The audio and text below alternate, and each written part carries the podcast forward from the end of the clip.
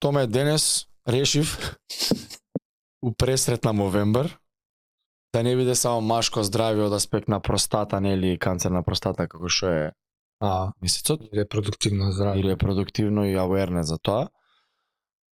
Уочи месецов сакам да искористиме и да збориме за ментал за машкото ментално здравје. Ментално здравје? Кај мажите. Добро, Може така? добро. Како, значи, еве сега да уште на старт. Не даваме совети, не лечиме луѓе од депресија, од анксиозност и слично. Само ќе споделиме искуства, како јас разбирам анксиозност, депресија, како Томе разбира анксиозност и депресијата. Дали имал он искуство со незе или немал, ако имал како се справил, истото и кај мене. Се што ќе чуете е еден байки, байкер и еден кросфитер. Што си разговараат, разделуваат искуства на тие теми. Толку. Да. И сакаме да кренеме свесноста, Е, само ето. свесноста и ништо повеќе. Да. Одете кај попаметни од нас. Да.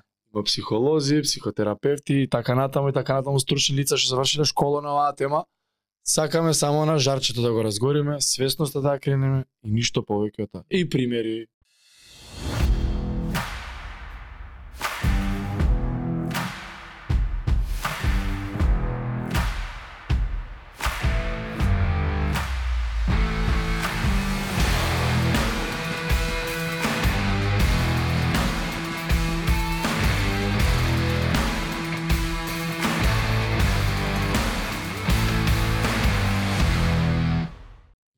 Да се да, да не биде глупо да правиш муавет.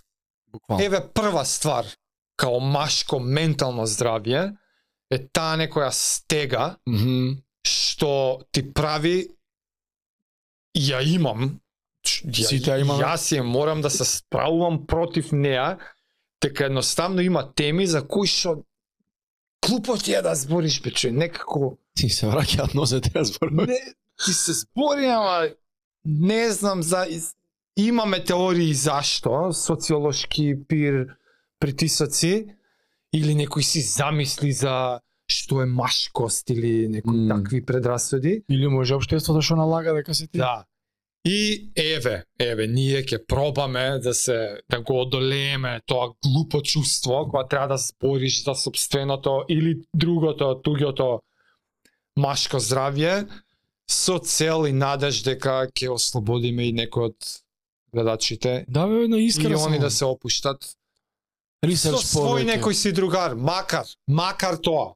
Макар Level седи, 1. Се друго супер, у кафана, јади, бутај, пи, се што правиш исто, 15 минути од таа вечер И другарот, ти спомни немој му да на го некој судиш. другар. Спомни му на некој другар, абе брат, ти осеќаш ли ме нека депресија?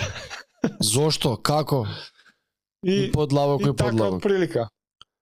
Ајде да почнеме од дефиниција што е анксиозност, како јас ја разбирам. Анксиозност е проблем solving по дефиниција дефиниција. Ова е прочитано, не го измислив јас. Така го прочита негде? Да, Добре. дефиниција за анксиозност е решавање на проблеми во иднината. Што може и да ги нема. Може ги има, може ги нема. Решаваш future, solving future sol, uh, problem future problem solving. Буквално, у твојата глава. Не правиш ништо во врска со тоа на папир, аха, аха, да. него во твојата глава решаваш некој иден проблем, идна ситуација што може би ќе биде, може би не. Да, проблемот не е сега. Не. Проблемот е хипотетички во иднината. Може би ќе биде. И ти се замараш сега да го решаваш, а не ни дошол. Ај шта би било кад би било. Добро. И Тоа е по дефиницијата? тоа е по дефиниција. И најчесто тој проблем не се ни случува никош. Да. Во случаевите и луѓето што што имале и биле на овие со И психолози и со истражување. Следечи. Лекот не знам што е, али а, мене што ми помага, се се враќаме назад на спорт. Тоа е вежбање. А. Зашо? Што кога ставиш 100 брпис на тренинг, over the bar, и трастери чушни изфрли, Имаш поголем проблем поголем проблем што е реален и во моментален. моментот е. Да. И немаш време баш ти да се замарам ја шта би било кад би било, ако зборам со овој што ќе кажал, ако каже ќе кажам овој сега мене да ми ствара некоја мука. Не, у тој момент се прпи со трастерите, муката што си ја правиме И толку. Не мислиш на ништо друго. Тие 10, 15, 20 минути е тоа. Е тоа кога го правиш, остатокот од денот, барем во мојот случај, а и ресерч и муабети што прават луѓе, е дека остатокот од денот ти се ослободува главата и ти едноставно има едно чувство на празно. И не си она тенс, напнат цело време да чека ако биде, чека, ако би направам, ако направам, ако биде ваму, ако биде таму. Замислете си го телото како чаша вода и ставаш, ставаш, и ставаш, и ќе почне да прелева, ќе почне да overthinking, ќе почне да размислува. А ако таа вода се празни секој ден, у превод вежбаш, ја испразниш главата, добар дел од тие работи ќе ти се решат. Преку моето искуство, што јас не сум имал проблем со анксиозност никогаш. Еден пушбек, Ајде. еден е, адвокат на ѓаволот да ти Ако, ако, ако. Дали е форма на анксиозност и ова е многу специфична спортска анксиозност, Добро. може би, се тоа прашувам дали е форма. Види, не сум јас психолог или Не, стручњак. не, дали си го имал? Може и друг лейбл да му ставиме. Добро. Може не е анксиозност, ама дали, дали затоа што го кажа како твое лично решение Така. враќање во моментот, а тоа е тренингот. Мгм. Uh, јас мислам дека сум имал периоди кога заради обседнатост со некоја цел и тренизите ги правам за таа цел, имам мала доза на анксиозност и за време тренингот, Да бе. и за време неделите на тема дали е доволно добар, дали ја, дали ја погодувам точната зона, дали ја погодувам во, до, во точни дози, Те разбирам 100%. дали и сега Да. да, да, тоа е анксиозност. Ако е таа дефиницијата решавам иден проблем, Да, ама ова е понатака сакав уште и да позитивната анксиозност. Ова мислам дека е позитивна и со Гого епизодата се сеќавам кога бевте вие Аха. пред титулата која требаше да лета за да се бори. Да, он има он на неколку на неколку пати напомена дека позитивниот дел на анксиозност, односно он ја викаше позитивна анксиозност. Да. И ми текна на тоа, он е светски шампион нормално во спорт што како не би имал анксиозност, се тепаш со човек со голи руки, еден на еден, пред цел свет те гледа у ринг. А, тоа е позитивна што кажуваш ти, според мене. Сум го осетил. Е па, Пред open Значи- вежба која сите очекува дека ќе ја згазам. не гледачу публика, ти сега помогна на еден човек мене. Ете, исполнете епизод. Во, во оваа дискусија ми го Ти ги отвори не дека ми беше некој си кој знае каков проблем, ама комбинација на подсетување со Гого, Мгм. ама и ти сега уствари убаво го кажа тој сомнеш та анксиозност, тоа мислење, тоа е така тоа е тој некој драйв, знаеш, што Порана вика позитивна трема. Да, да, од имало време кога е да сум знаел тогаш дека е ова природен дел од процесот, немало да ми биде таков сомнеш. Нема терет да ти биде, нема, Нема да ми било терет. ќе го оставиш да помине низ тебе. Ова е дел тоа, од од тој процесот. questioning, тоа прашување цело време знае да забега. Овертренинг можеш да направиш. Сваќаш, заебеш. у анализите, Мгм. у... И тогаш да сум го знаел Парализа дека е природен анализа. процес, ќе сум го дозволел да постои, ама немало да биде да биде терет. Аме да. Значи, Функционира значи, таа, значи, некогаш па и те турка малку Значи, повеќе. окей. Да. Е и закон е. Realization Закон. live. Ко, by the way, ова ми се стари проблем, ова го немам. Јас сега ќе ти, на- ќе ти надокнадев, дека тебе ти е, нели, ти како си се мислиш дека се справуваш тоа е тренинг.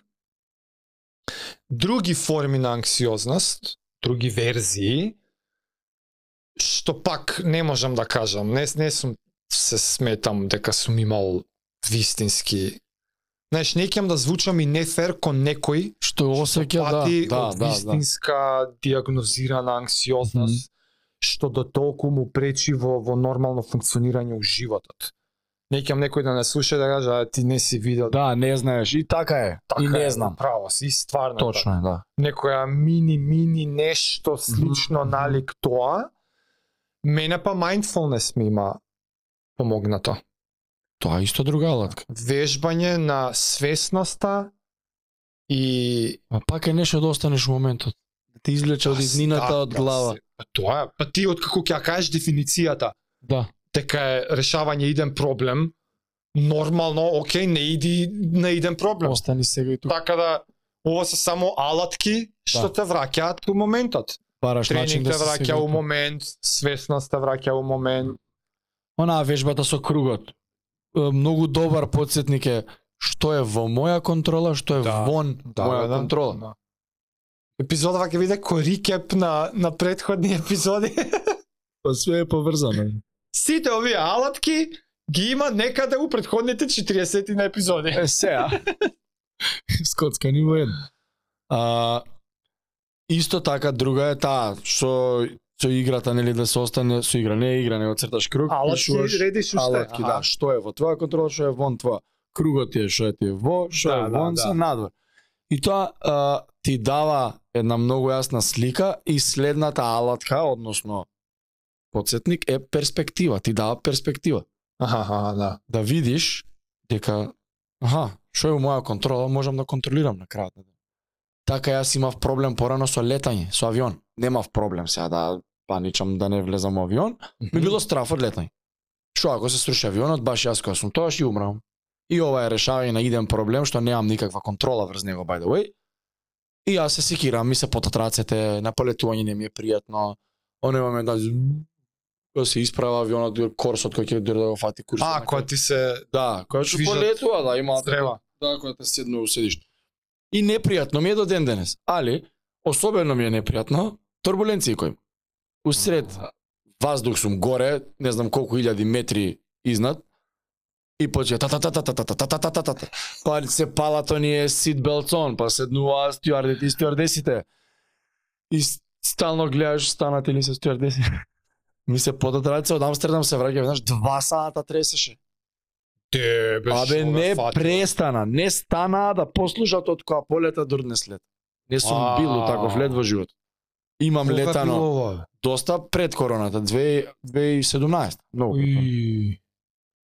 На идење А ме мислиш нашиот пријател Илија Јовановски. Ти се поведи Иле? На идење, на враќање не. Зашо на враќање, зашо на Иле. враќање не било за тоа тресело. Иле те чекаме уште. Да, by the way. Авиончево, авиончево те чека. Иначе, со летот, у задње време, задњата година летав почесто. Чекај, турбуленције не беа со, со, со Иле. Не беа, не. Зашо не Иле беа? натака, а на враќање друга. Аха, До денес со жена ми го збориме како не слетал. Најдобриот најдоброто слетување у историја со Иле. Да. И секој го споредуваме со неговото и викам не може со Иле. Јако, јако. Се здаваме како Орхан Памук. Чекај, да не заборам. Дали знаеш од кога ти се родила таа анксиозност? Некој филм си гледал? Од летање? некоја- Да, лоша. Сигурно, немам некој она играл момент во историјата да го пинг, сега ќе му стане тука почна целиот страв. Гледаш филмови и слушаш Денис Беркам, фудбалеров се плашал од летање, идел со кола. И знам за тоа. Боби Чалтон преживеал несреќа, бла бла, ова кога се десило Манчестер Ливерпул, ова и цели тимови гинат, викам чека па се тимови со милиони кои сум јас човек патников визер мочан од 30 евра карта што има, разбираш? Али... Се. Добро сега, нема врска. Али сакам да кажам, со пилоти од Визер сум зборел, иле ми ме убедува на уште еден дечко што го тренирав, дека никогаш во животот на Визер се нема срушен авион. Ever. Аха. Рекордет аха. историја. Прво и основно. Второ, имало инциденти, ама вика тие кратки летови многу е лесно, едно други ми имаат смирен. Ама пак ми било незгодно. Како И- се справи? Тоа ти беше мовето. Го прифатив дека немам контрол. Едноставно. If he dies, he dies. Знаеш, Роки четврго ќе каже, ој, Ливан Драго. Тоа е, don't hurt him, if he dies, he dies. И тоа Не. стално го користам. Тоа е. Буквално тоа е, немам контрола, го прифаќам како такво. И што да правам јас? Буквално. Да. Дали сега го правиш секој пат кога секој леташ пат, или Сега од Лјубљана не идење на враќање. И сум смирен и Значи, мирна ми е душата и стравот го некоја- немам. техника на кажување на ова секој пат пред да леташ? Да. Полетувам. седнуваш, дента, моментите, кога го правиш? Кога ќе дое турбуленција. Та-та-та-та-та-та. А, До тоа заборавам и кога е smooth sailing ништо страшно, не заборавам дека летам. Океј, океј. Ама кога има турбуленција порано, замижував и си замислав во автобус дека сум и дека за тоа тресе има дупки на патот. ама не ми помагаше, зашто ќе отвораш очите, гледаме дека сум авион. Да. А сега више реков тоа е. Го прифаќам како такво дека е можност. Дека Сите Да, статистики, идеш на кај авион, поголема е шансата да умреш и да погинеш Да, него да, да. самиот лет и се е тоа супер. Али усобраќајка со кола, големи се шанси да преживееш, што ти имаш контрола и ти возиш. У авион Па, ти така е еден, да, да, да, јас така ова е у мојата глава како го отпакуваме. У авион друг човек вози, ја Да. нула контрола имам и ако падне 99,9 шанси дека ќе умреме. Да. И стравот е тука еднаш треба да се деси, нели? Не дај Боже. И го прифатив како можност и како такво и тоа е. А јас знаеш како си правам? Што да правам? Кога ќе ми доа такви мисли за летање? Ја како не знам како си тоа. Ја мислам дека ќе бидам едниот посто што ќе преживее. И јас викам ама шанса. Ама ја то, ја тоа си го кажувам и тоа ми е доволно. Не па ја прифаќам. Тоа е. Као се замишлам дека И риз бори риз, знаеш, оно? да. Тоа е. Прифаќаш Што е тука? Што друго имаме за анксиозност? за позитивната го кажавме. А, има луѓе што кажат ти со оние тип на анксиозност, социјална анксиозност има. Не можам јас некој од тие работи да ги разберам, што мене не ми се десило, ама да не бидеме оние е како така немаш меѓу луѓе, али тоа е друг тип што им се дешава. Е сега зошто пак се враќам јас на на кроситот на вежбањето? А, не дека ми е тоа тој бизнис сум и работа ми се пркам членови, не. Него едноставно е алатка преку која може овие работи да бидат одличен да биде одличен издубен вентил за овие работи. Социјална анксиозност сала се социализираш на некој начин. Со 10-15 луѓе делиш муката. Кога делиш со некого муката, бондоџот, изближувањето и контактот и другарството е поголемо, што проаѓате низ истите гомна. Сега ти со ја дечки што трчаме маратон, у три сабајлја ми се јави него, ќе отидам кај што треба. не си имал стил на цедело кој ми било мака, јас сум ти помогнал, ти си и се има нешто тука. Има и уште еден процес што се случува. Добро? Uh, еве ја ќе бидам тој што нема само кросфит да го кажам. Справување со не само социјална анксиозност, со многу од овие ментални состојби, чии што физиолошки симптоми се покачен пулс, зголемен адреналин, кортизол, сите сите фактори што допринесуваат за стрес. Целиот тој араузал, како се вика, Надразнување. цел целиот тој надражај што го осеќаш во различни состојби ментални. Анксио, ај депресија не, депресија е поише лоу. Ама страф, анксиозност, не знам, од јавност, од зборење, од социјално, значи сите тие чии што симптоми имаат налик стрес и пок, и, и, и, и надраз, надражај, надразнување, за мене спортот и ако си активен, тренинзите што што прават е те запознаваат со физиолошките симптоми во во друга неанксиозна околина. Да. Значи ти кога си во јак тренинг, ги чувствуваш скоро истите сим, физиолошки симптоми, покачен пулс, потење, адреналин, Ако е стрес, особено некој резултат. не позна, ако е ако е игра, ако е надпревар, ако е таков спорт, ако е игра, то нон-стоп си со нека неизвестност, нон-стоп си Ама и си тука справен со присутен. нешто. Ако си со некој предизвик, uh, endurance или, значи, што и да е, ти си навикнат да го осеќаш телото такво како што се осеќа во тој момент. Дури и во екстремни форми на анксиозност, дали е паник атак екстремна форма на анксиозност? Мислам дека следната фаза е таа. Ако случајно ги грешиме категорииве, ама еве уште еден уште една ментална здравствена не убава состојба. состојба е паник атак. Кај што мислиш дека ќе умреш? Кај што, кај што тоа е апла финишна трака. Да. Тоа е апла. Е, 170. тука можам, еве ти кажа личен пример а, летање, тука мој личен пример е моето прво стартање на полу Ironman У водата во тоа? вода. Не знам дали го имам споделено ово. Да, со Зорица мислам кабе. Изгледа да. Ама нема врска ќе си го кажеш. Да, ќе го споделам. Може некој не ја гледал таа епизод. Јас доживеав паника так. Мислам дека by the book. Што се случи? Како и што знаете сите, ја трен, тренирам цел живот, спортист цел живот, се ми е познато, Ironman е нова дисциплина, ама што има везе, пливаш, возиш, трчаш. Сум бил и во масовни траки, све. Ама, Не ти е гужвата непозната. не ми е непознато кужа. Сум бил и у кошарка, сум се рвал, сум се тепал, значи сте... Сваќаш, тоа не ми е непознато. Што ми беше непознато е што сме во вода, јас не сум комотен пливач, и сме па, преку илјада луѓе Леле. на, на паркинг на до плажа, огромен паркинг за коли, тука сме вака илјада луѓе, и како, и паркингот само продолжува у водата. Трчате сите. И вака, бран, Чопа. илјада луѓе, и кој како влага у вода, рипа и не гледа пред себе. И подобри пливачи нема време да заокружува, плива преку тебе. И те дави. И, и те дави. И сега јас сум мислел, чекај да си фатам напред место, а сум спор пливач, и како си, и така си трае бранови стотици пливачи Преку подобри тебе. од мене, си пливаат преку мене у првите стотина метри, и јас се давам. Ја мислам дека се давам, и ја доживувам буквално забрзано движење онакво површно. И не пливам, значи јас само Преживуваш. едва и стојам у вода, заборев што е пливање, заборев техника, заборев лево десно. Само гледам да и, и ка, како Последен, да сум да нема луѓе. И како како ме бута мене еден, како ме бута друг, ја и, и така дишам тотален паника, таки и па па те дави некој, па те дави некој лак, колено. А пази он како те поминува, те шутира после со ногите. Партали.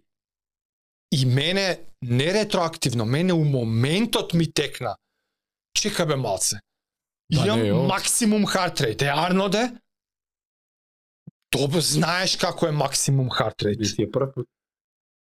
Дишаш задишано, ама не си уморен. Сум дишал јас задишано, ама вистински задишано. Ја имам рикано од задишување. Океј, значи и тоа, што, што си се усрал? Оти, оти, мислам дека дел од паника так е и неконтролиран страв. Ја буквално усред стравот, усред паника такот, само си поминав низ чеклистата на физиолошките симптоми. Добро, максимум heart rate, окей, Чек. нема да умреш. Дишеш ко ненормален, нема да умреш. Друго, окей, помина гужва, не мора да пливаш у моментов. Две-три минути, помина, и си се фатив и си Е, ти знаеш што си направил? Си го фатил воланот. Многу луѓе Jesus take the wheel. И go with the flow. Да, ама, Не, не, не пливам Iron Man, ќе се повлече. ама јас сепак сметам дека Затоа свесноста свесноста како на број телото. еден свесност точка за овие состојби е број еден чекор. Ако ја немаш, нема како понатам. Да. Дури Нема да знаеш како, за чабе, ова е прв чек. од Немаш свесност, не Да. си свесен дека си нешто не сосикне. А, мислиш да препознаеш у Да. моментот дека си во паника. Да го фатиш моментот. Да. А не да Да, биде тоа е прв чекор кон решавање. Да. Ја ќе Управо си, управо си. Тоа е прв чекор. Не ми се десило, сигурно е многу неубаво. Знам луѓе што им се десило. Ја, Викам, мислиш, ненаден си. бе. мислиш дека 100% ќе умреш. 100% мислиш дека ќе умреш во тој момент срцето дека те и то тука било нема Е, понатаму. тука е, е тука сега да се вратам на спортот како решение е не ми дојде таа мисла, Него си комотен во дискомфорт. што, за тоа што сум по, ми е познато и многу комотно сите тие физиолошки симптоми. Комотен су некомотна ситуација. Така што ти ги наброја социолошките предности, дружба, е, односи со други луѓе во различни околности ово оно, ама мислам дека и самиот акт на тренирање Самиот тренинг, па нормално, тоа е и вентило. тоа, и тоа Ова све друго е плюс дружбата, луѓето. Знаеш кај ќе се вратиме на оноа се ставаш во дискомфорт. Да. Самото редовно ставање во дискомфорт те прави да си комотен во дискомфорт, а сите овие состојби се еден вид дискомфорт. Буквално. И сега многу често анксиозност со депресија идат со модерно општество, нели сега со како да се изразам да не е лошо. А, Мислиш не идат заедно као не идат заедно, а тој што анксиозен да е депресивен. идат заедно у у модерното живење. Мод... Анксиозност и депресија. Анксиозност и депресија. Лек за анксиозност и депресија. И у, у две у едно, ме разбираш? Аха, добро. А се многу различни состојби. Анксиозност, некој знае да е позитивно и како што кажавме на спортска анксиозност, да ти е страв што ќе бидне и тоа те тера да се спремиш подобро Да. и кога ќе дое ивентот ти си више ја имам мала позитивна трема, ја викам, ја викам анксиозност. сам. Истото, пред да снимаме епизода, седум дена на тоа мислам. Таа ќе ти спласне полека. глава, не, ама не, не ми е страв мене што ќе биде, него и вртат у глава што би било, кога би било, овој муавет ако дое што теми на практично. Според мене тоа е позитивно, многу пати ми помогнало, дур сме зборували во некоја епизода, сум излекол таму нешто, ме разбираш, сум го пласирал тука. Али депресија како депресија, по дефиниција, некаква си, е, Ова пати е негде прочитана. да, Добро. а, дисбаланс на хемискиот состав во мозокот, односно на на хор, хормонски дисбаланс во мозокот на кортизол, ендорфин, допамин и Да. серотонин. Што е некако многу веиг. Е Што е превод за веиг? веќе површно. По така штуро. Мислам дека се јавува вишок на кортизол и според некоја логика на нештото, зашто нели оној лош хормон. Од стрес се ствара. Тоа е стрес. Стрес, ама ако имаш ти стрес, а телото не е по стрес, а другиве се намалуваат паралелно, хормониве на среќа, тука мислам дека се случува оној дисбаланс. А да не навлагаме многу да не случајно. Не, бе, тоа е моje мислење, кажувам. Скроз. Ако? Дека Нека не ми, не ми асоцира на депресија тоа. Не знам зашто. Ја депресија ми е некако како Не ти лоу, искача од дома, па лоу си, да. апатија, како немање енергија. Ве, немаш живот у тебе. Кортизолот нели го нели го предизвикува тоа? Не знам.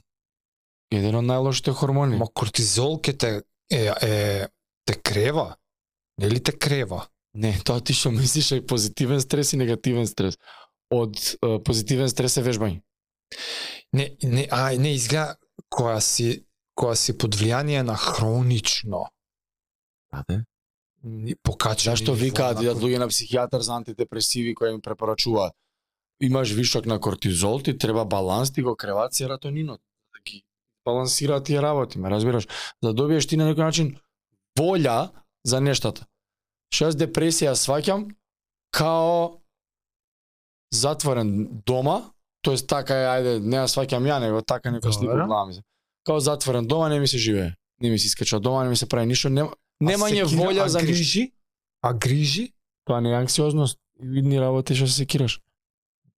Затоа викам идат многу често заедно, а мислам дека се многу две различни работи, две многу различни работи. Да. Едно е решање уиднината, а ова е сегашната, сегашноста не можеш да ја спотегнеш, да тргнеш, да тргнеш негде. Да. Не можеш да тргнеш уиднината. Тоа да, тоа ми резонира, да. си у што се вика со печат доле и немаш волја за ништо.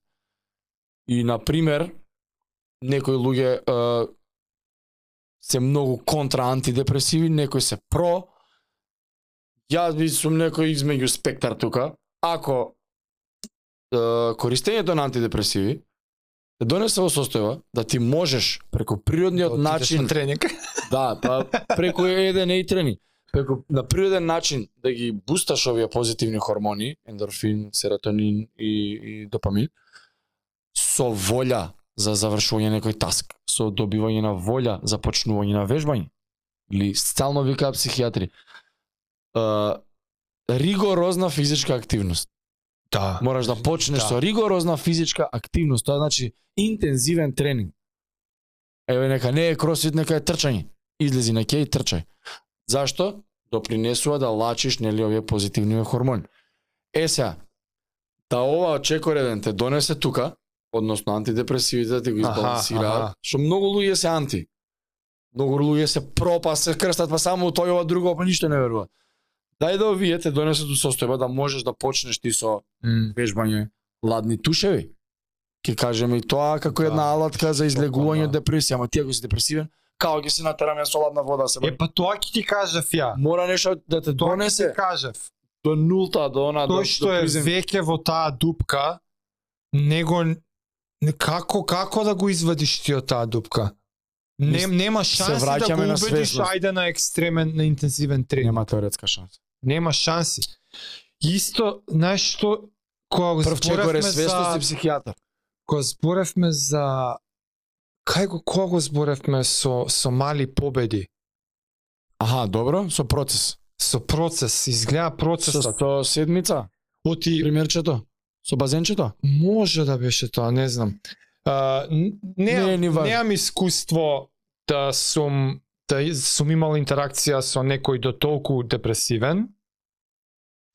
Ама ако ако проблемот што сега пробуваме да го решиме е да станам некој да направи тренинг што нема нула желба да направи тренинг.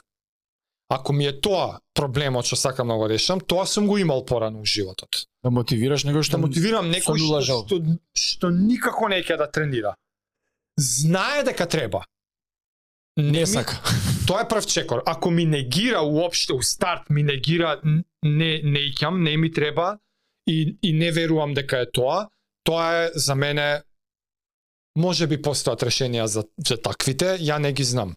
Ама ако е во состојба да, да сам себе си признае, еј, баш би било убаво стварно да, да Треба да веќе. треба да би било убаво да почнам нешто, не знам што, ај томе кажи бе што да правам. Е ако е у тој момент, тоа сум го имал. Не знам дали бил депресивен или не. Не можам ја одма да му кажам иди трчај на кеј. Или иди, на кросфит да Нема тренираш. шанси. Не, ама знаеш што им имам кажувано? Почна пешачиш.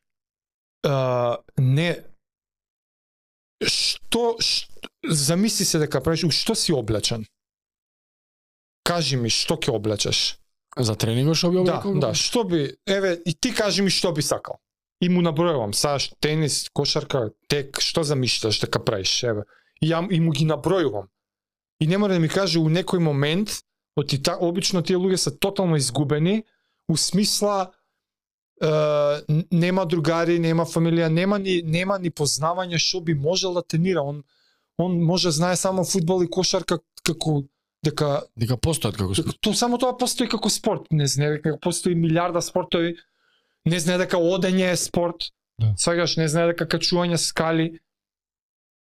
И му набројувам и го гледам и на нешто ќе му жарне Да.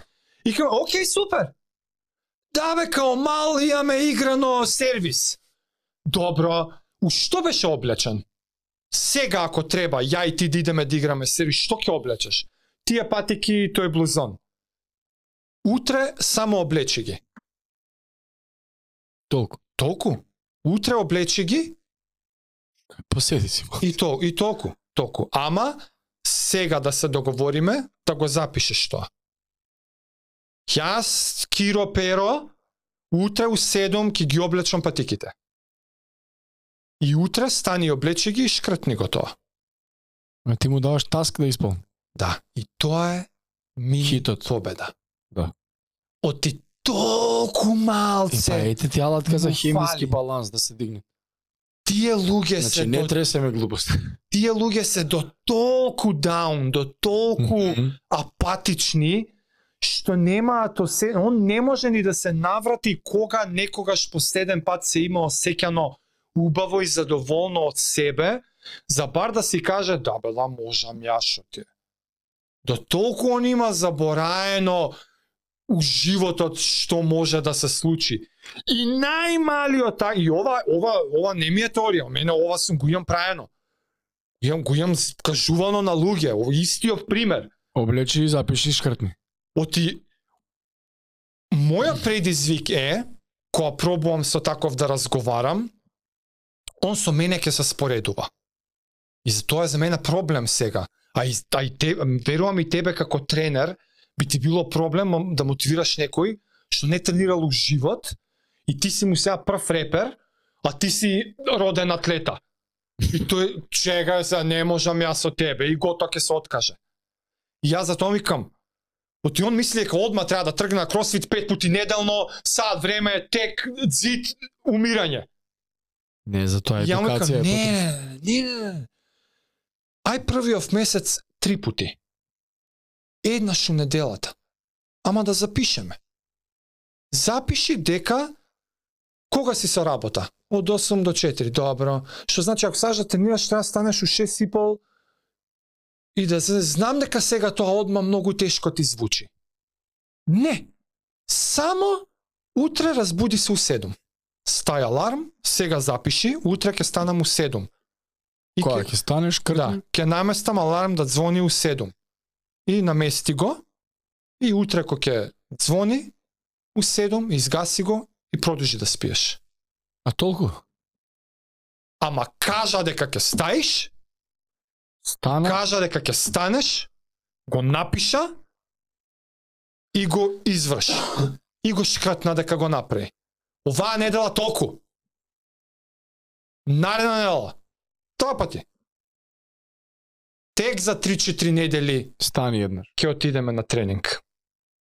Оти ја мислам дека за како збориме за ментално здравје, за ментални состојби што толку те спречуваат да да направиш нешто во врска со тоа, мора не микроскопски ситно да се почне. Е после месец дена он хроничната депресија ќе рашава со интензивни тренинзи. Прво ќе мора некој тој баланс да се деси у телото. И наверојатно меѓу време ќе отиде и негде да си се консултира со луѓе, нема само Нормално, таман работа. Види, ти ако си у таква состојба депресивна, мислам дека по дефолт првиот чекор е психијатар. Мислам дека е тоа јас да ми се случи, веројатно тоа би го направил прв. Ама тоа е и глупота. Посебно машко. Зашто? Па нема, нема. Ако не слуша сега, нема А, прв чекор тоа да може. Машко не би го направил Да. тоа. А де за тоа правиме епизод што сме дегени Така, како пол. Ама нели? Даде, Нели? што ти е, ако знаеш на мемето? И ти Зашо знаеш, мажите знам живеат- и тој знае. Зашто мажите живеат помалку од жените? Зашто ги трупаат проблемите и умираат на 40 години како вистински мажи. Те ги удира срце, разбираш, го од депресија и ќе полудат од кортизол. Е, ете вистински Смешно е, ама е вистина, затоа е смешно. Сме Вистински ретардирани машки проблем. Што некој што се наоѓа во оваа ситуација, Не збориме за раз- работи. нема да отиде нити да сподели, камоли на доктор, камоли на психијатар, ама може ќе чуе и ќе си запише, ај утре ќе станам у 7. Дај Боже. Тоа попрво ќе го направи. Еве ако машко ти го кажам. Ама па друга ситуација Ја што го е? чуам Џо Роган нешто такво. Што? Да каже Па на пример сега еве може не депресија, еве не дај Боже да, да не, нешто да ми се случи у иднина. добро. И ја ќе знам дека треба да отидам на доктор. Ја ќе знам дека треба да отидам на некое си професионално лице. Ја нема прво тоа. Ја ја прво се друго ќе пробам, а тоа последно ќе ми остане. Ако не ми успее ништо друго, на крај ќе отидам таму. Кај доктор. Освен ако не се очигледни некои работи са нормално. Не дај Боже. тата. Сепак идам, се проверувам. Ама за вакви некои ствари што ти прават тоа глупото чувство што го спомнавме на почеток. Ја прво ќе чек чекам Джо Роган шовека, чекам Девид Да. Гогинс шовека, чекај Е, тоа е следното. Како да се избавиш? Најди ментори, машки. На машките им треба машки ментор, пример. Нели порано се идело у војска, го имаме зборено истото. Си имал генерал хиерархија, тоа е многу важна работа у машкиот свет. Почит, Да. утре тебе ќе те почитуваат, И почите number one. ко дете у куќи ќе го искосиш дворот, па ќе идеш косач на дворот, па тоа ти е чин, па горци на тоа, ама ти давале обврски. Давале обврски. Па ете ги бе. Ете Те го. ги- Значи се се поглува, ќе мора да го наместиш креветот. Ќе мора да станеш у толку толку саат. Значи, се враќаме дека на животот му треба скеџо. У денешно време, А, и физичка активност, нели? Работа, цело време. Гјоре како вика лек за анксиозност, вика е зем дај мотика и копе 8 сати на нива, он се смее, ама Не што ќе Така мислиш бе ти 8 сата на нивата за јадење копам. Ке немаш за леп, ке имаш, ете, о јадење ето. Што приш за дома за моите е, допринесувам. Ги снабдувам со храна, утре ова ќе се продаде, ќе се над пари, дали ќе си се. Нема она чувство на ќе имаме, ќе немаме. Основниот екзистенцијален проблем ти е решен. Сметките преку ова што го правам ќе ги платам. Значи све ти е тука на едно место. Од тој аспект немало анксиозно, а не тој зашто Да. копал физички се изморил, немал време да мисли. Иако друго. многу ме интересира да беше Зорица Да. тука, ќе прашав дали е. Физички возможно во движење да осеќаш да си во депресивна состојба. Не знам да кажам, нека ни пише Зорица. Мислам дека тео, дека и- дека и теоретски невозможно би било тоа. Оти самото движење ќе прави Да си у моментот. друг друг М, е, друг сооднос на хормоните. Па да? Значи е физички невозможно ти да си во депресивна состојба ако си активен. Ако си во интензивна активност. Макар макар и вака не знам, нишај се или или оди Да, да. или копање може и ту мачта ти. е. Ама ако нешто правиш и да речеме да речеме си нонстоп депресивен и некој те зема вака со сила те крева и како се будиш пред да те фати депресијата, те фаќа и цело време и цел ден правите нешто, дури не си легнеш. Дали тој ден ќе ти биде депресивен? Не знам, веројатно помалце него ли предходно кога не би правил. Ја имам чувство кога ќе заборави дека е депресивен. Ама све ова ни се враќа, мислам дека и од пред милиони години кога сме били у племе. Да. Група мажи оделе и ловеле. И ти која за шо депресија нема како ловиш или ќе живееш или не другачие се сваќал животот. Ама анксиозно ступичко мат. Да, премногу не викам не. Али дали ќе има јадење, ќе убијам, нема да убијам. Ајде, па ќе преживее, нема да преживее, ќе се ова, ќе се ова. Проблеми уидни на Тега се ни е на дофат. Порано, за да функционираш, морало да си физички активен по дефолт. Нема бегање. да бе за Мора. живе Крај. Точка. Да живот значило активен. така. Денес не мораш да си активен за да останеш жив. И од тука мислам дека произлегуваат произлегуваат многу од овие проблеми. Сигурно. Ендрю Тейт, каков таков го серат луѓе овона. Немам некое мислење за него, ама има многу јака работа кажа. А, вика еден дечко ми пиша, сакам да се самоубијам, многу сум депресивен, Знамо. те молам врати ми. Имам толку и толку кила, бла бла. И ој му вратил, ај направи сикспек и ако уште сакаш да се убиеш, уби се, му рекол. И ој му пишал после известно време, На вистина 100% се согласувам. не ради сикспекот. Да, да нормално дека Не, не. имам сикспек, сега нема да се убивам. Не, Нормално. него патот за да доеш до сикспекот, е овие твоиве запиши шкртни, исполнување на таск, регулирање на хормоналниот систем, Готово. Физичка активност. Плюс што минимум 6 месеца ќе му требале за да Башка. спек. Баш кај ќе размислуваш ќе збориш со луѓе. Второ, Джордан Питерсон знаеш што им вика прво на клинички депресивни пациенти. Прво таск што треба да направиш. Две недели јади обилен доручак. И тоа Толку. мрсен. Да, толку. Исклучиво мрсен. Толку? Да. Како? Две недели? Толку. Две недели само слани на сабајле. Тоа е тоа. Буквално. Вика некад храна ти треба, човек. Нема гориво во организм. Или правилна храна. Прави, на тоа мислам кога кажам храна, не чипс. тоа... Не чипс. Значи сега сме ние сведени од uh, Hunter Gatherer до процесирани гомнат секој ден цело време. Чипс, сок, кока-кола, дај му на детето благо греота. Зашо е греота бе? Што е греота тука? Греота е му зашо му дам отров? Чекај сега нешто ме подсети, пак ја пак некоја теорија. Ајде. А ако пости, Мислиш на оној нејадечки пост? да. И јас го помислив тоа кога го слушав како кажу, ама не знам.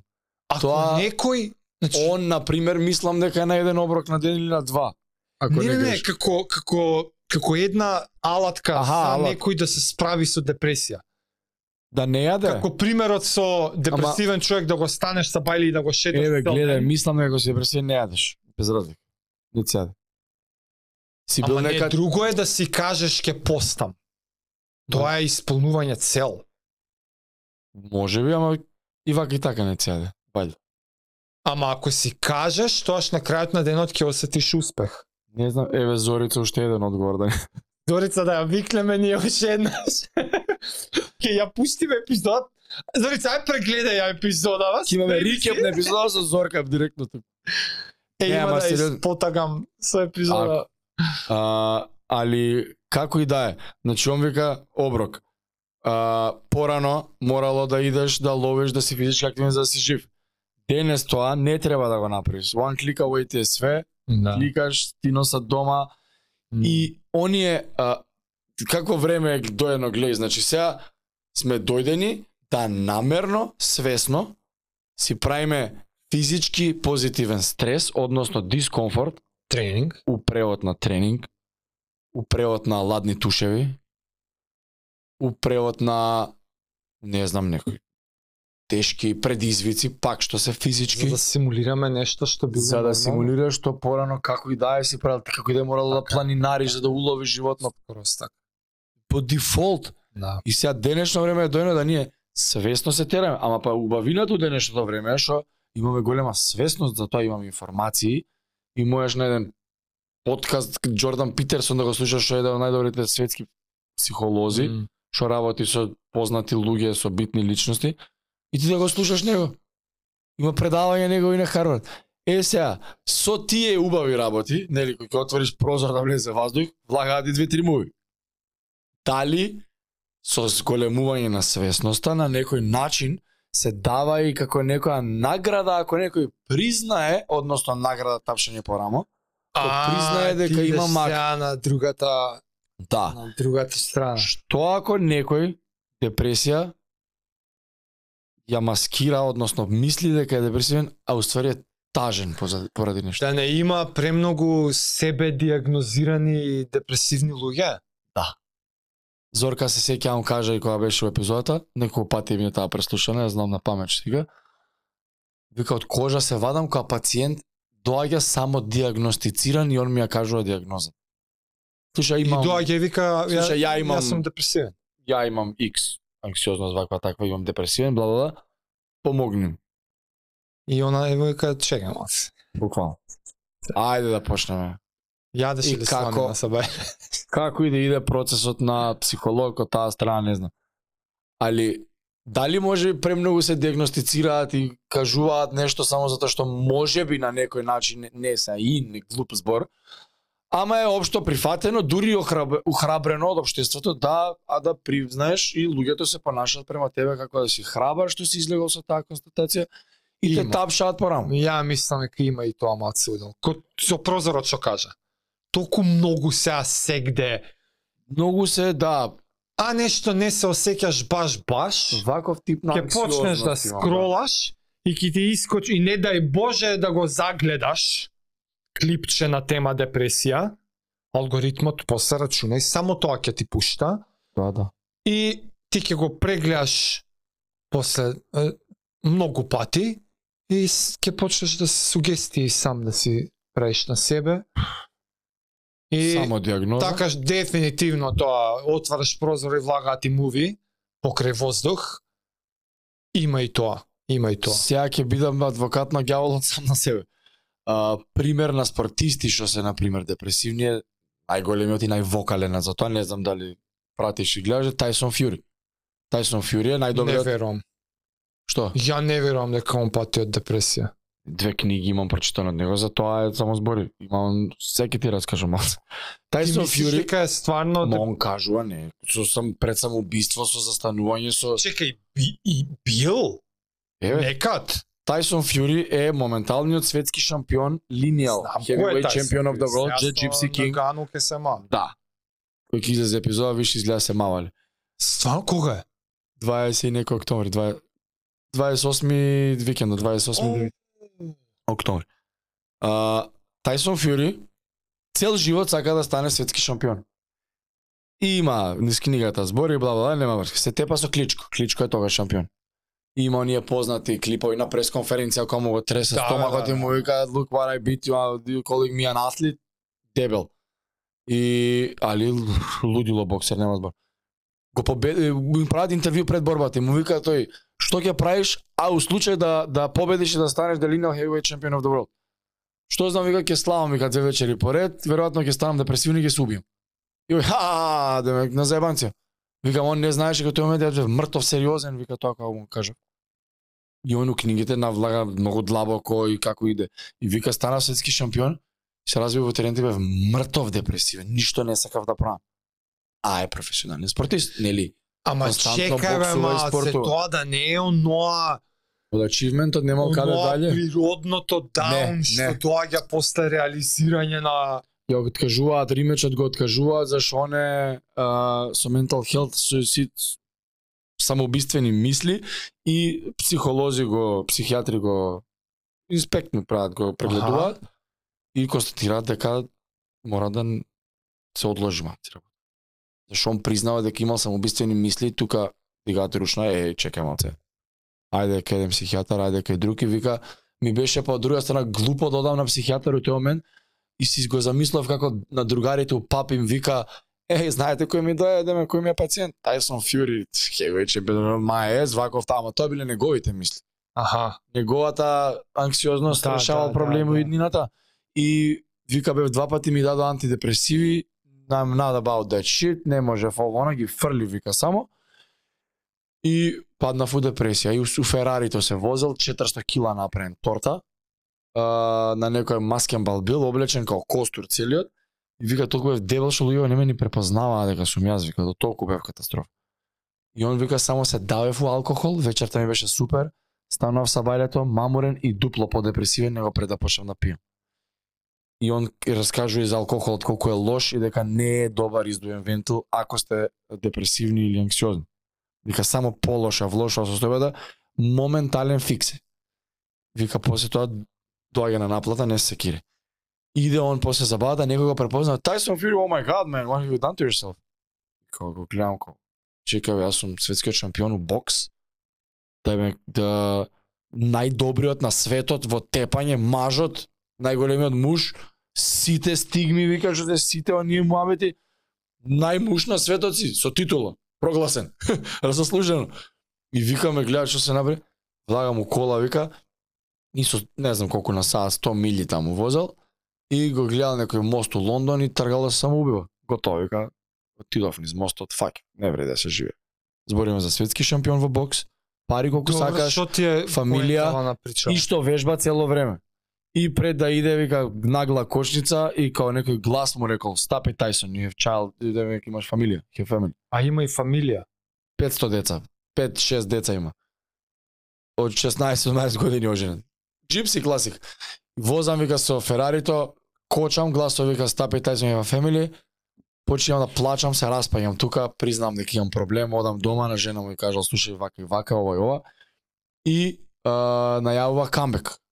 Почнува со еден тренер, му помага во Марбелја, ода да тренираат, му помага да симне килажа. Он јаде Мм. гомна на социјални медии, ми I'm gonna be coming after you, тај да гадене на јазик. Ама вика целта ми беше да ослабам, вика чекор еден да ослабам, вика му рекол многу млад тренер има најмено да многу кликнале. Му рекол слушај те молам, ми треба да ослабам, вика се да да да се ставам во позиција да размислам дали би можел да направам камбек. Да, да. Не да правам камбек. И многу убаво им тргнала да соработката, да вика, ама вие ми стумар белја, тоа беше Еј, решив и сега иде. Не бе брат, денес не ми се тренира ми сумира. Скокам тренинг, го заебувам. Ки се начукам еднаш. Имало заебанци. Ама вика многу ми помогна дечкото ми ги правеше различни вика цело време и у првата борба со Wilder он му е тренер кај што станува од нокаутот како резуректнат од Исус. И буквално вика трениравме цело време. Е сега Тайсон Фюри што ми е поентата е Да. што издувот го бара во вежбање иако е он светски шампион. Вика јас тренирам секој ден без разлика дали имам борба или не, затоа што тоа ми помага 5-6 сати у денот. И он тренира са бајле за да може да функционира до ручек. Руча, тренира попладне за да може да функционира до вечер. Добро бе, што дисбалански имаше Не знам да што не има. може Ама да сакам да ти кажам, да, професионален спортист не е проблем издувниот венту. Не се проблем expectations, светски шампиони на врвот на планината е постигнал све што. Сепак е екстремен пример, човек. Сепак е Ама е он има ли подобро постигнување на највисоките хај и пак не е доволно. Заради тоа не е, затоа Во спортот што го сакаш, не е нешто те тера некој со сила пари. Не Да. заработаш милион долари да работаш што не ја сакаш. И да кажеш па ова не е тоа тоа. Не бе човек, нема доработено на себе. сон. Може би, не знам. Он се соочува со фактот, со реализацијата о, следна. Добро, биднав светски шампион и што кур? И што се? Ама он тоа го постав, го кажува пред борбата што е- најтрагично. Ме разбираш? Поентата на животот не му е тоа и ја нема најдена поентата на животот. Да, и сам кажува, вика, све up у мојата кариера беше да бидам линеал heavyweight чемпион и кога се деси, беше као, шега и шо курсе. И? Исто човек сум, децата исто ме сакаат, ми Така да плачат, он треба, он треба. Стега на Има ли за подкаст. религија нешто у книгите? А, да, станате многу религиозен сега. Христијанин што се моли и секоја борба се е Praise the Lord Savior Jesus Christ. Цело време.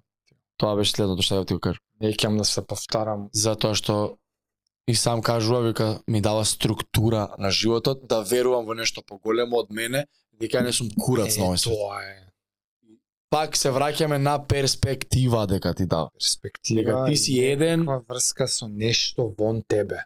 да. Он е буквално она да моментов е као не е boy of mental health, што сам го налага тоа, али многу помага на луѓе, има отворено хотлайн, што може бесплатно да се јават и самоубиствена линија што сакаат луѓе, односно сакаат. Единствената цел им е ти го ќе се јавиш, оној задниот повик да се они, да те разубедат во овој момент да не го направиш тоа што ќе го направиш. И сега следен сегвеј ни е тоа. Нешто што не го зборат луѓе. Самоубиства кај млади машки, особено. Не викам кај девојчиња дека не се случува. Сега збориме за машко зарев. Мислам дека кај нив повеќе оној тип на од 2007 од излегувањето на iPhone-от и основањето на социјалните мрежи и типот на внимание што го добиваат е мерлив, нели има мерка на мерлив, followers, лайкови слично. Тоа мислам, тоа е моје мислење, не значи дека е точно, е во женскиот свет. Во машкиот свет, да стигнеш ти до самоубиство, треба да ти е неубаво и тешко и не дај Боже да дознам, не сум бил во ситуација таква. Кој знае колку треба ти е мука да ти сакаш да не живееш повеќе, него ли да живееш? Што дека кажа твое мислење, што мислиш дека е кај жен кај женските да речеме Да ти кажав кај машки оноа мемето глупо. Die like real men, трупаат работи у нив. Не, не споделуваат. а, А, чувство одличен- на чувство на self worth на на на сигурно. Е сега, првиот чекор ако се осеќаш така, нели, за да стигнеме до self worth, треба некој пат да изодиш. Првиот чекор е да кажеш на некој човек. Имаше што многу да каже? сакам да се убиам. Мука ми е. Ова ми се деси, она буквално тоа. Другар? На другар? било кој, на кој сакаш. Имаше многу добар пост-файт спич кај што си во UFC. Педи да беди пимблет. Вирален стана после тоа еден со Ливерпул акцент смешно збори Да. дечко. А, пред борбата негов другар се самоубил. И он ја победува борбава и up and coming и rising star, као следниот Да. Конор Мегрегор ќе биде, нема везе. И има многу внимание у него и се не ја користи он платформата после не знам која победа поред да предизвика некој борец и set up the next fight, него вика раскажува за прича што се десил, да пред у четвртокот борба во саботата, мој близок другар се самоуби, вика ми каже и почна да плаче тука. И баш онака е со Liverpool accent, tell someone, talk to somebody, don't don't be quiet, знаеш, кажи на некој човек, ако сте у таква позиција, ако имате такви мисли, јави се на некој и кажи, ало, ова и ова ми се деша, буквално е talk to somebody. Е, ај сега екстра Пролонгирај проблем. го. Одложи го Ај малце. сега екстра проблем. Ај замисли се дека ти си некој на кој што некој тоа му го кажува. Ако нека Што преш? дојде да се видиме. Зашто? Еве ти се јавува, жаре Зашто? имам мисли да се Добро, да се зошто? обијам. Зошто? Ти, не, ти што преш сега? Ја го прашам зошто сакаш да се убиеш? Аха, и се, Зошто? влагаш во Па дијал. да, што е причината? Добро си жив и здрав? Не ми Окей. се живее бе човек, сакам да се убијам. Добро бе, зошто, зошто? Нема поента бе, не можам. И Што пак, и зошто? И, и ќе дојде, не, нема поента, ама тој викам не, ми- не ми врти го киша како Краговица, разбираш? Ќе му кажеш, кажеш зошто? Те остаи жена, си си искоцкал, си убил. Да, да, да. Добро, што е следниот чекор? Од таму, ајде да разговараш со ова, ајде да разговараш. Ќе му помогнеш на човек. Барем у тој момент, барем, Нема ја имаш шансата, не може да бараме ништо поише во животот. Една шанса да добиеш. Мгм. Имаш шансата да го предомислиш. Пак е подобро него да се уби моментот. А самоубиство е а, многу убаво каже еден комичар Джими Кар перманентно решение за моментален проблем. Мм. Нема и од кој нема назад. Толку. Да, тоа е твоја работа, животот е твој, ама не си сам на овој свет. Ја ова не го кажувам сега тука што јас сум имал ситуација во животот што мене ми се десило, па сега ме боли и сакам луѓе во други да ги спасувам од тоа. Сум имал познаници од кои едниот малце подобро, другиот од основно средно не сум го видел и ми беше криво кога дознав. Дечко млад, пред короната си го одзема животот сам. Знаев кој е, си ја му познаено, сме седеле 5-6 пати усредно и не ми беше сеедно. Као, Зашто бе човек? Немам контакт 10-15 години, не сум го видел. Едва и преку. Па е што беше добар си толку. А другиот малце поише ме здоболе. Чекај генерација? Да, и двајца. Твоја? Моја. Многу млада бе човек. Знам. А вториот, 4 месеца пред тоа го сретнав, доаѓаш и на вежбање и Доаѓаше и на вежбање. да, и дор доаѓаше све. Знаеш каков кул лик легенди што сите што го знаат, ќе го препознаат кој е. Нема да именувам нормално. А, ведро дете, на никој не е сгрешил. Не знам дали не си го најде патот у животот. Не знам, не знам, не знам од која причина, стварно не знам зашто не споделил со мене, и не знам некој со кој сподели. Али едно добро такво диво дете, супер физички јако, ни дебел, ни нешто да кажеш, разбираш. Али ете, не знам, се дешава. И доаѓаше да вежба и го сретнав у град и му викам, кај си бе ти? Кој ќе доеш да вежба?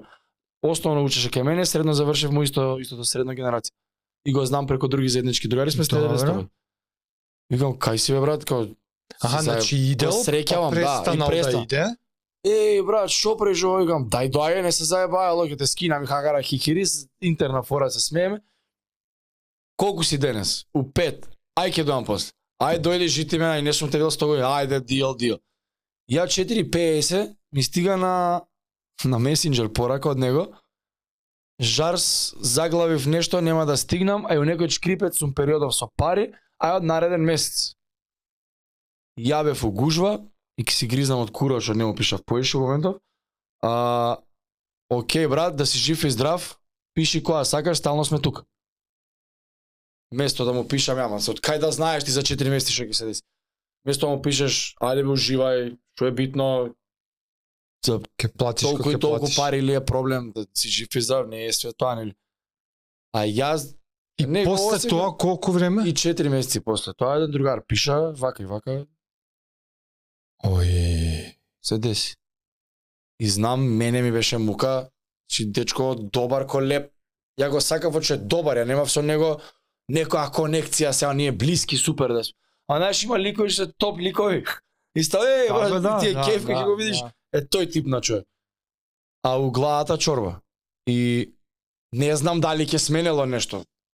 Не е ни важно сега у, у следот на нешто, ама му пишав на другарот тогаш за јас да пробам да го прифатам што му се десило, што он си направил сам на себе. Вака и вака не ми се верува да ми е тука, ја ќе го убијам, па како можеш, ово не му викам брат. На крајот на денот негов е животот, викам тоа е. Ја ма ја пак и ти кажам, бе, ние машките сме толку утепани И за на такви никој немал кажано, некад. разбираш? На никој, на никој. Ја пак и ти се вратам на тоа, до толку сме утепани што дури и да дојде да ти каже некој, Да, може да го заебава некој, тоа е исто. ај, ај, ај да го заба тоа, уф, без За тоа бел- креваме да. свесноста сега. Да. Ама глупо ќе му падне. Ш- Што са мене ми кажа? се губи, па ти. сега? До толку некако сме не не истренирани у такви Не емпатични, ситуации не, да ама да си мене ми некој што ти се десило, вистинско прашање што ќе продолжам да мислам на како да, на тоа, а тоа е ш, еве што ако што ако ти се јави некој и ти го каже тоа? страдаш ли од депресија? Еве уште едно прашање за Зорица. Да ни дае Да, одговор. некој прирачник. Ако случајно, ај прво Или нека мотив- излезат со некој видео направите мотив и свест да. за ај ако си во ситуација на самоубивање сподели, ама мислам дека и на тој што ќе ја прими таа информација му треба тренинг, му треба да знае што со таа информација, што да прави, што што ако или може не му ни кажал, може препознаваш.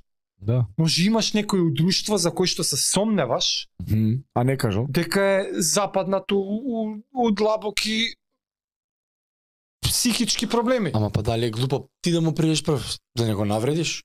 Да бе, што ти е? Не си нормален, не се губи. Ние ко мушки нема, ќе биде ај, ај. На запанција, на на да, нешто не треба, не зашто гледам дека се деша, а порано сум бил многу И sad зависи од човекот, на овие теми по глуп. некој го прима на пример тоа позитивно, а некој може да го укопаш уште поиш. Петар да го док. Да. А мене пами текна на религија. Порано, Ствари, ствари сега, тој што си е религиозен, најголем греф Да. е Е самоубиство. Ја мислам дека ако ти веруваш, Ако се жртвуваш за некој, одиш во рајот, ако се самоубиеш, одиш во пекола ако според ти Библија. веруваш дека тој акт е најголемиот греф, може или меѓу најголемите, ја ја верувам дека тоа е доволно за да те одврати од таа одлука. Ја знаеш како викам? На страна се друго за Господ Бог религии и чуда, Ако Тој тоа е факт- причината, да. ако тој факт, тоа верба, тоа Таа е браната. одврат, ако тоа е браната, Буквално. унакапа, унакапа. Fair play. Ете ти уште една причина зашто може би е зголемен случајот во модерното живење. Затоа што се поише паѓа во сенка религија. Знаеш како? Како и да е ќе умреш. Нема бегање. Сите ќе умрем. Сите, тој еден. Никој нема живее вечно. Факт. Точка. Како и да е ќе умреш еден ден. Едино ако не се некои, не знам, неподносливи болки, состојби, некои гадни болести, карциноми неподносливи за живење, ајде. Океј, има и за тие Ти што бе правил? во кој случај? У тие. Болки, карциноми. Не знам, не да божа дознам. не си размислувал? Не сум размислил. Ја имам размислувал. Не би се убил, веројатно. Ја, ја, uh, Ќе знаеш, се- кога имам размислувал? ќе се борам до крај каква и да е ситуацијата, затоа што не знам. Како и да е inevitable, ќе умрам без разлика. Да, да. Што Иако ако се може би е неубаво да го предпоставуваме ова, Не дај не Боже, знаеш да. како е. Не знаеш точно. Ама сега јеби го размислуваме на глас во овој Да. момент. Прв пат кога го Решенија за идни проблеми. кога, кога го дознав терминот еутаназија, Мгм. негде беше негде го дозволија легално. Некоја си држава негде го дозволија легално да можеш ти да си кажеш дојдете, исклучите ме, утепајте ме. Во Скандинавија. Не знам дали тоа Македонија изгледа не Не, не, не. изгледа не можеш, Не, не, не. значи Работа. Да. И прв пат кога го слушнав тоа, и луѓе нормално дека те тера да размислуваш на темата. И ја кога размислував и тогаш и сега и ден денес, пак, никад не реци никад, никад, никад не реци никад, ама и јас сум на тој став. Ја би, нема колку и да е неподносливо, идеме до крај. Види, Ја ќе имам надеж до последна до секунда. последна секунда. Нешто, нешто ќе смислат и ќе ќе се излечам. Да. Ја знаеш како си у, у средината на бурата си. Сега си угомнат. И ова ќе помине. Ќе помине. Да. Дали ќе умрам од болеста? Дали ќе помине со смрт или ќе помине ќе помине regardless. Зашто јас да шансата да ја губам? Ја верувам во шанси. Се што во овој живот не можеш да бараш повеќе од шанса. Не ти можеш си, да ти си од оние надежта последно умира. последно. И ќе каже ќе каже некој ама сепак умира, нека умре. Јас сум многу таков е. Ама јас не се откажувам до задње. многу На маратонот ми беше 100 минути преживување. Ама сега и ова ќе помине. Многу ми е тешко. Многу ми е тешко. Многу под црна дупка од црните дупки на интензитет. Многу време за размислување имаш. Многу трае. да, да, да. Нема крај. Многу ми беше неубаво. Многу, Да. многу, многу, многу. Ако ти е малце утеха, со текот на годините се намалува тоа. Сигурно. Ама Ти се врати- ова трае бе 2-3 минути пекол. Ова траеше 100 минути, знаеш колку е многу тоа. Ја бе посостојав да кажам милион долари да ми кажат, не би се вратил наредните 100 минути. Како ти си каше оној водот што споделивме наш клипче на роверот нешто како Френ Соров. френ. Не си правил изгледа френ Ама ол ауто дамна. Да се не сум правил, ама да се потсетиш не, трае, не трае 100 минути. Ако. Ако. Друго Таа, е. таа е едната, подсети се. Друго е, денес Тие- правев со чучњеви со ова. Тие 40 минути повраќање од посели. Да, да, беа. да, нема збор. Ама тогаш не бев во некоја пицпец форма, а истренирав како да сум и телото нормално имаше реакција. Али Anyway, sorry те. Да. Овако. зборевме за овие за држава, дали би се прел, дали не би се прел, што имале да се ако сакаш, Еутаназија. да. Не, не, да, Ја би се борел до крај. Надежда Надежда на- последна умира, ќе умрам регардлес, нема бегање. Така да зашто не се бори еве борбата нека биде јави се на некој прво. или види се со некој. Ако е доено до тој момент. Не дај Боже. Се целава епизода е ние да кренеме свесноста за тоа и еден човек, еден, само еден, не дај Боже и да има такви што не гледаме, валјда има, не знам, Да. Се надевам, не. Да му се отворат очите да каже стварно бе, маје, маје, ови што тресат твојца. Дај, ќе пробам.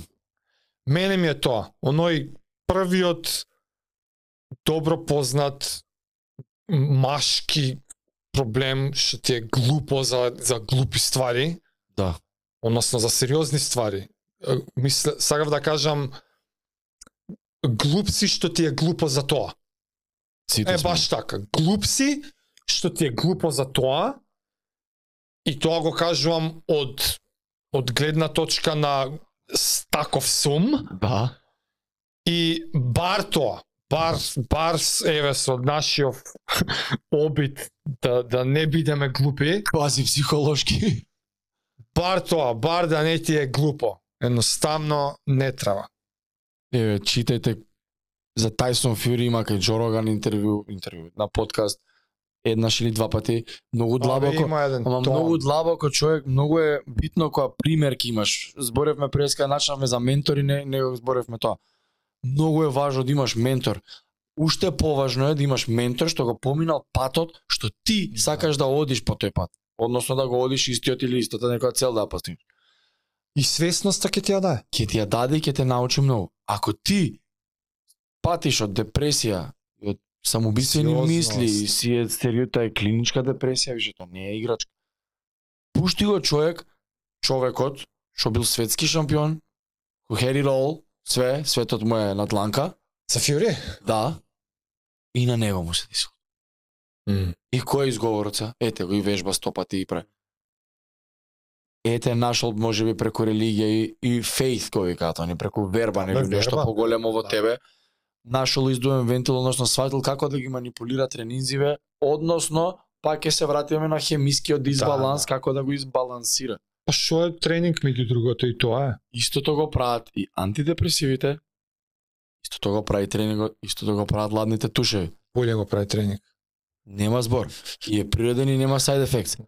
Ама ако ти мора да трнеш од овде, стигнеш, започнеш овде, а со тек на време, да ги извадиш ова назад, да, да, да се отаражиш, ако е тоа еден една ладиш ќе те донесе на правиот пат, кој сме Да, ние да ги да. судиме или тие што ги зимаат или тие што ги произведуваат или тие што ги препишуваат. Да, за овој тип на пациенти првото нешто е почни со фармакотерапија, па ќе правиме муабет понатаму. Али се што ќе ти помогне е е број еден. Зашто ладни тушеви, зашто cold plunge? На Кристи за роден by the way му купив cold plunge. како бе Ки ти пуштам линк после 100 евра, си го нарачаш од Амазон ти стига 75 на 75. монтажно Подвижно, кај сакаш. Ке ти пуштам после. Зашто викам cold plunge? Cold plunge е како бунар, ладна вода, истураш лед, легуваш во неа да гуша. Каво е? Не после, се објасни ми. 75 на 75. цилиндар. Да чучнеш. Да влезеш, да, до. Клекни. Ама чучна чушнаци, цилиндар. да. Го пуниш со вода, ставаш лед ти, има поклопец за да не ја менуваш водата, доле има едно као чешмиче за да не треба да ги... Не ме се бај. Гениално е за 100 евра. Линкот одма. Одма од Амазон. Одма имам како стам дома имам едно тарасче за ништо што не ми служи. Е, сега, зашто испаничи вака позитивно за оваа работа? Сакале нели Вим Хоф и целата револуција, правеле истражување за да имунитет колку помага. Што нашле у истражувањето? Имунитетот е некој 0,% ситен. Арно ама 200% качува хормони на среќа Да. кои траат 200% повеќе од антидепресиви. Да. Зошто некои луѓе се против, зошто некои луѓе се за или зошто некои па се other spectrum. Ама ако они те натера да извежбаш, ако вежбањето ти даде информации преку подкаст да, почнеш со cold plunge да ти е природен антидепресив, ако немате cold plunge, тогаш ладен туш една до три минути има сличен ефект, cold plunge има подобар, али и тушав има подобар. Добар, исто така. Very nice. Испробано, функционира, вистина е, Гото. Тоа е тоа. Се надевам дека помогнавме, дигнавме некаков тип на awareness за машко ментално здравје. Да. Ако не друго, правите ги истиве муабети. У најмала рака. Да. Тоа е тоа, дечки. Поздрав. Се гледаме. Чао.